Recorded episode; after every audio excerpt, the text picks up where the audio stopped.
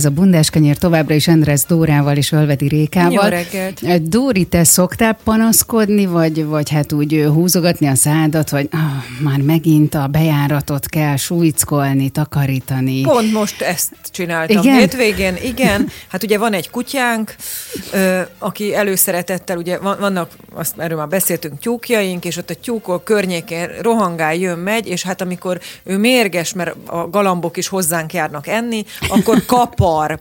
És hát a kis sáros tappancsával ugye ott körbe ugrál mindent, úgyhogy igen, elég gyakran kell ott a bejáratnál ö, takarítani.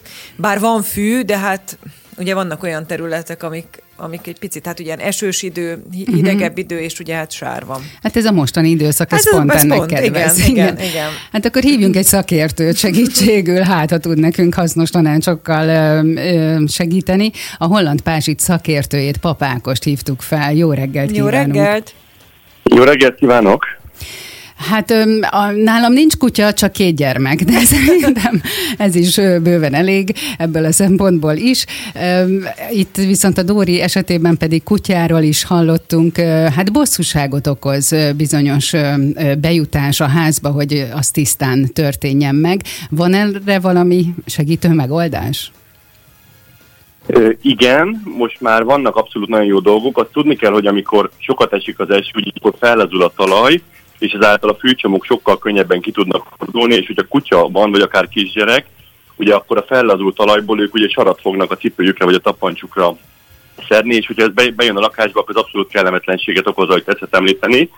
Ami most már ilyen Nyugat-Európában abszolút elterjedt megoldás, és Magyarországon is most már közel tíz éve a piacon van, és nagy népszerűségnek örvend. Ez egy ilyen speciális műfű burkolat, mi ezt holland pázsik burkolatnak nevezzük, ami úgy néz ki, mint a gyepszőnyeg, vagyis szép szálai vannak, nagyon jó ránézni, meg kellemes a tapintás, a textúrája, és ez vízáteresztő, és ez biztosítja, hogy ha esik az eső, a kutya lába max egy picit vizes marad, de nem lesz sáros. És ugyanez a gyerekekre is igaz. És ezt a, tehát mondjuk nekünk a kertben, ugye én említettem, hogy a kutya néha ott kapirgál, meg hát jön megy rohangál, teszi a dolgát. Ezt a meglévő fűre rá lehet teríteni, ezt a műfüvet, ahogy említette, vagy, vagy ezt hogyan kell telepíteni, vagy elhelyezni a kertben, van ennek valami szakszerű módja, módszere? Igen, van ennek szakszerű módszere. Ugye általában ebbe a fűbe az emberek hosszú távú megoldást keresnek. Ennek kb. egy ilyen 10-15 év az élettartama, vagyis azt mondom, hogy az egy ilyen jó előrelátható tervezést jelent. Ahhoz, hogy ez hosszú távon szép és egyenletes felületet biztosítson, ezt úgy szoktuk megoldani, hogy a meglévő talaj felső rétét kb. egy 8-10 centi vastagságba leszedjük, ennek a leszedett talaj helyére hozunk ilyen zuzottkőn poros murvát, ezt ledöngöljük, ez egy ilyen könyves munkának számít, és utána erről az előkészített zúzott köves talajra telepítjük rá a kiválasztott pázsitot. És akkor ez biztosítja, hogy a vízáteresztés is jó lesz, nem fog tudni megsűrni, nem, tud, nem fog tudni visszafagyni, és hogyha akár nyáron jön egy ilyen hirtelen monszunszerű nagy esőzés, akkor is hamar át tud menni rajta, és száraz lesz a fű, meg amikor egy nyírkos folyamatos ilyen, ilyen nedves idő van, akkor is biztosítja, hogy, hogy a talaj az egyenletes és szép felület maradjon. Mennyire ellenálló ez? Ugye itt említettünk, említettem a mi esetünkben, hogy kutya van, és hogyha ezt leterítjük, hát ő azért ugye a füvön végzi el a kisebb-nagyobb dolgát. Mennyire árthat ez ennek a műfűnek, vagy, vagy mennyire lehet így mondjuk kutya vagy kutyák mellett telepíteni ezt, használni ezt jól? Igen, úgy lett kialakítva ennek a szálszerkezete, hogy ezekre a funkciókra, amit tetszett most mondani, a kutya kaki meg a kutya pisire abszolút teljesen 100%-ban ellenálló.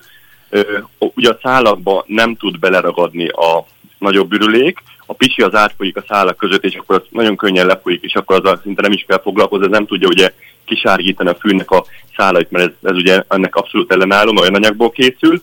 A kakit pedig nagyon könnyű felszedni ilyen kis zacskóval, és akkor könnyen az ember tisztává tudja tartani a kertjét. Ezt akkor mondjuk a nyári időszakban, mondjuk amikor kevesebb az eső, akkor kell-e tisztítanunk valamilyen módon? Mondjuk gondolok arra, hogy mondjuk jól slaggal átmosni a tetejét, ilyesmi jellegű gondozást igényele.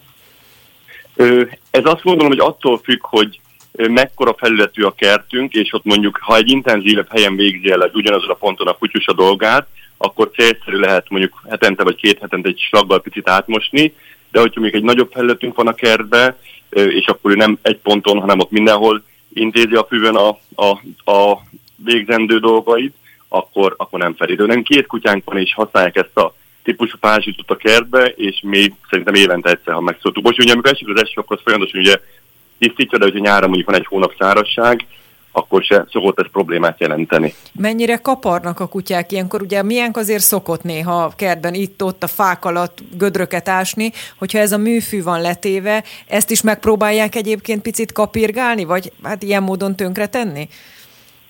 Az a tapasztalatunk, hogy amikor ugye mikor általában egy normál füves területről alakítják át ugye az ügyfelek erre a gondozásmentes kert, hollandpázsit felületre a kertjüket, amikor ez lekerül, akkor a kutyáknak ugye ez egy újdonság, hogy egy szép, egybefüggő felületük van, úgyhogy az a tapasztalat, hogy próbálnak az elején kapirgálni rajta, ezért a szélét mi mindig leszoktuk ragasztani egy ilyen betonfelületet alakítunk egy olyan 10 centi szélességbe, hogy le tudja ott a szélén felszedni. De az a tapasztalat, hogy fél egy nap után a kutyák teljesen megszokják, hogy most már van a kertbe, és utána inkább futkorásznak rajta, hemperegnek rajta, egy kúsznak rajta, nagyon érdekes, meg egy jópofa dolgokat lehet látni, de hogy a kaparásnak abszolút ez jól ellen tud állni cserélni ö, szükséges-e, amikor említette, hogy egy, egy, jól emlékszem, hogy egy tíz éves időtartamot említett, ugye, hogy ezek, ezeknek annyi az élettartama.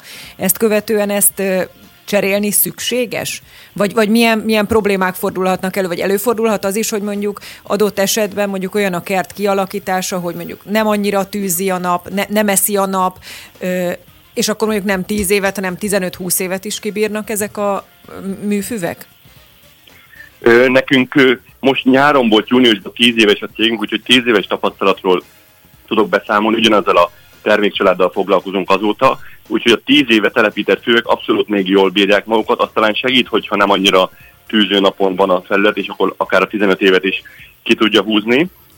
Jelenleg a 10 éves ügyfeleknél abszolút jók a visszajelzések, azt mondják, hogy picit a takarítást kell nekik szervezni, de amúgy a fűnek a locsolásával, gondozásával, az esztétikájában nincs abszolút semmiféle kifogásuk. Hát köszönjük szépen Papákosnak, a holland pázsit szakértőjének, hogy felvilágosított bennünket erről Igen, a műfüves és modern dologról. Úgyhogy köszönjük szépen. Köszönjük. Szívesen én is köszönöm az érdeklődést. Minden jót viszont.